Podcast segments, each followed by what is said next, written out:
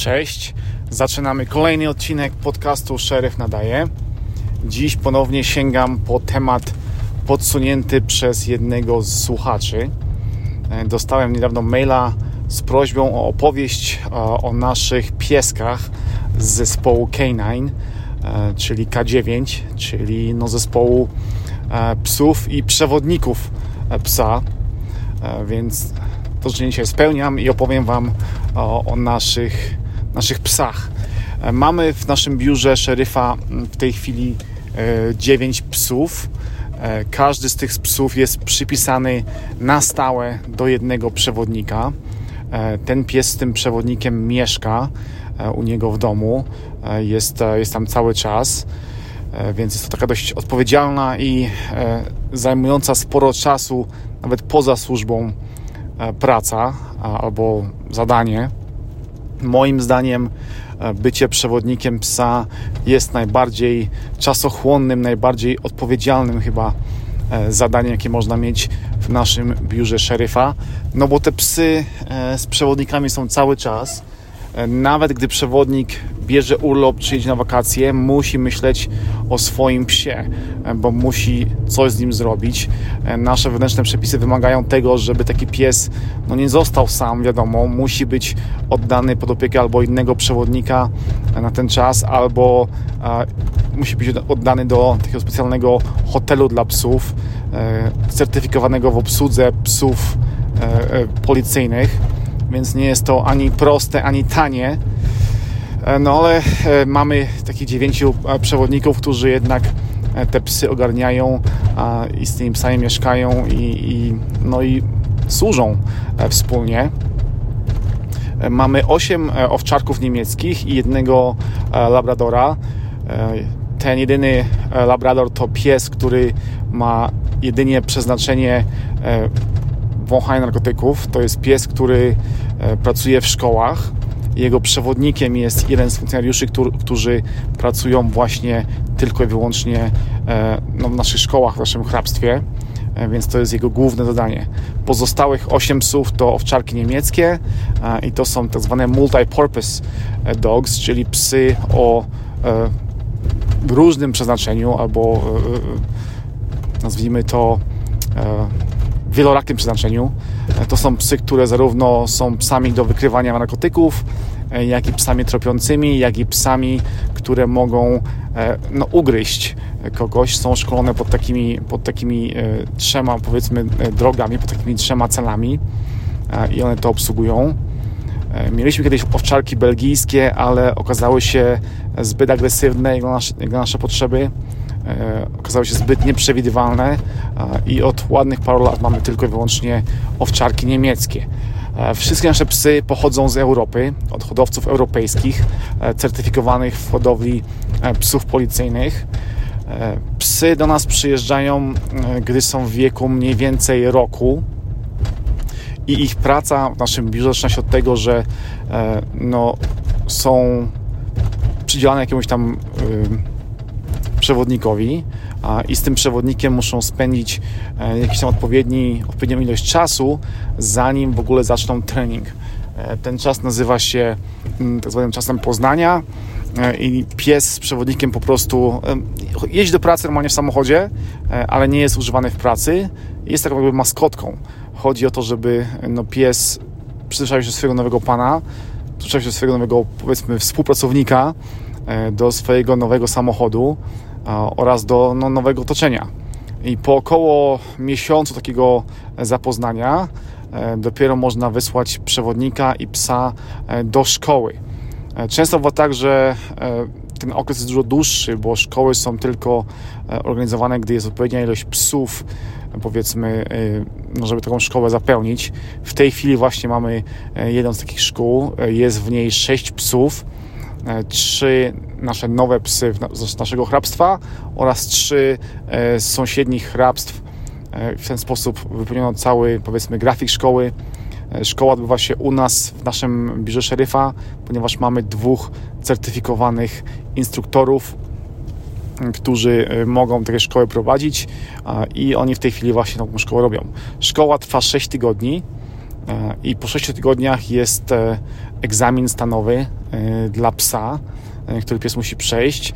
Jest tam kilka kroków, musi wykryć ilość, tam ilość narkotyków, musi badając posłuszeństwo psa, tego jak się słucha swojego przewodnika, czy dobrze gryzie i tego typu rzeczy. Więc jest to dość trudna i z tego co mówili przewodnicy psów, dość stresująca szkoła i stresujący egzamin, zarówno dla psa, jak i dla przewodnika. E, także tak wygląda samo szkolenie. Oprócz tego, e, gdy już zostaną, zostaną certyfikowani, to każdy pies, każdy przewodnik musi mieć minimum 16 godzin treningu miesięcznie, aby certyfikaty utrzymać. Więc u nas raz w tygodniu chłopaki z K9 mają 4-godzinny trening a, i w ten sposób w ciągu miesiąca mają 16 godzin treningów. Oczywiście, gdy są powiedzmy na urlopie czy na wakacjach, e, to treningi są wtedy przykładane na inny dzień i mogą sobie te 4 godziny odrobić. Ewentualnie mogą ten trening przeprowadzić w domu e, z psem, muszą go zalogować w odpowiednim systemie, że zrobili trening, co robili dokładnie, e, co ćwiczyli, żeby to było w systemie stan stanowym, e, bo chodzi chodzi e, o to, żeby wszystko było zgodne z przepisami stanowymi. E, jak zostać przewodnikiem psa w naszym hrabstwie? Otóż, e, żeby w ogóle myśleć o tym, żeby mieć psa, trzeba spędzić parę lat jako tak zwany decoy, czyli, czyli ten osobnik, którego psy gryzą. To są ludzie, którzy pomagają w treningach co tydzień. To są ludzie, którzy biegają w tych śmiesznych kombinezonach e, dla, dla, dla decoy właśnie, czyli dla tych, których psy gryzą. Chodzi o to w tych kombinezonach, żeby psy po prostu ich nie pogryzły im ciała, żeby gryzły kombinezon, żeby mniej, mniej bolało. I po paru latach, gdy się zna zespół K9, gdy się zna cały system, gdy się pozna pracę z psem, wtedy, gdy jest otwarte, powiedzmy, E, stanowisko dla kolejnego psa, dla kolejnego przewodnika, wtedy można aplikować. E, egzamin, e, żeby zostać przewodnikiem psa, polega na tym, że jest to egzamin ustny przed powiedzmy komisją składającą się z sierżantów właśnie tej jednostki K9, czy tego wydziału K9, nazwijmy to. Oni zadają pytania dotyczące zarówno samej pracy z psem, jak i tak zwanych case law, czyli precedensów sądowych e, dotyczących użycia psa oraz e, są pytania scenariuszowe, więc trzeba się bardzo dobrze przygotować, bo zwykle konkurencja jest dość duża. E, zwykle na jedno miejsce co najmniej kilku chłopaków próbuje się dostać, więc no jest, jest dość ciężko. Ostatnie dwa psy, które zostały przydzielone, chętnych było ośmiu, no więc było się powiedzmy z kim bić o to miejsce co jeszcze? Aha, e, psy. E, to, że się ma psa w domu, czyli, czyli że jest się przewodnikiem K9, e, powoduje, że ma się dodatkową wypłatę. Każdy z przewodników K9 zarabia dodatkowo 500 dolarów miesięcznie. Chodzi o to, żeby była kasa na jedzenie dla psa oraz na ewentualne wydatki na weterynarza. Oczywiście jakieś większe, powiedzmy, urazy czy większe wydatki weterynaryjne pokrywa biuro szeryfa, bo psy należą do biura szeryfa po skończeniu pracy, czyli po iluś tam latach, gdy pies jest, powiedzmy, przychodzi na emeryturę, zostaje w domu z przewodnikiem jako jego maskotka i jest takim psem prywatnym, e, dostaje po prostu go e, przewodnik już na, na zawsze. E, bywa tak, że na przykład psy w trakcie pracy zmieniają przewodnika, bo na przykład ludzie odchodzą z pracy, czy coś się zmienia w ich życiu i muszą z psa zrezygnować. My w ostatnim roku mieliśmy dwa takie przypadki. Jeden chłopak, który był przewodnikiem psa, e, przeniósł się do innego biura szeryfa, pies został z nami, dostał nowego przewodnika, e, a drugi facet stwierdził, że no, kończy swoją współpracę z, powiedzmy, w, czy pracę z, w, w Wydziale K9 i swojego psa po około miesiącu oddał. Tym drugim przypadku było to łatwiejsze, bo pies nie był jeszcze szkolony, nie miał certyfikatów, e, jest szczeniakiem, e, więc dość łatwo przywyknął do nowego e, przewodnika. Natomiast w tym pierwszym przypadku, gdy, gdy pies już był przeszkolony, gdy już miał mm, powiedzmy parę lat pracy, przejście do nowego mm, przewodnika zajęło mu kilka miesięcy, zanim się przyzwyczaił do nowego gościa, do nowego szefa, trochę czasu minęło, ale już teraz właśnie jest w szkole e, K9 obydwa te psy i, i dają sobie radę. Także nie jest źle. E, oba psy się przestawiły w miarę dobrze, bo już w przyszłym tygodniu będą miały certyfikat i będą pracowały z nami na, na zmianie. Tak jak mówię, mam 9 psów, z czego jeden pracuje w szkołach, czyli tak naprawdę 8 jest w patrolu i grafik ich jest tak rozłożony, żeby, żeby zawsze był pies no, w pracy, że gdy go potrzeba, to żeby był właśnie na patrolu. Oczywiście bywa tak, że są na wakacjach, na urlopie, czy gdzieś tam, nie wiem, na jakimś szkoleniu nie ma ich w pracy i wtedy możemy wezwać e, innego e, psa z innym przewodnikiem e, z domu.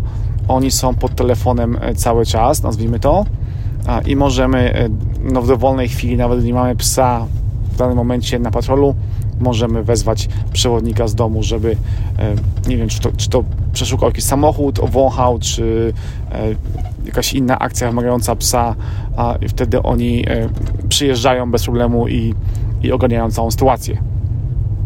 E, co jeszcze? No chyba wszystko powiedziałem, co miałem powiedzieć.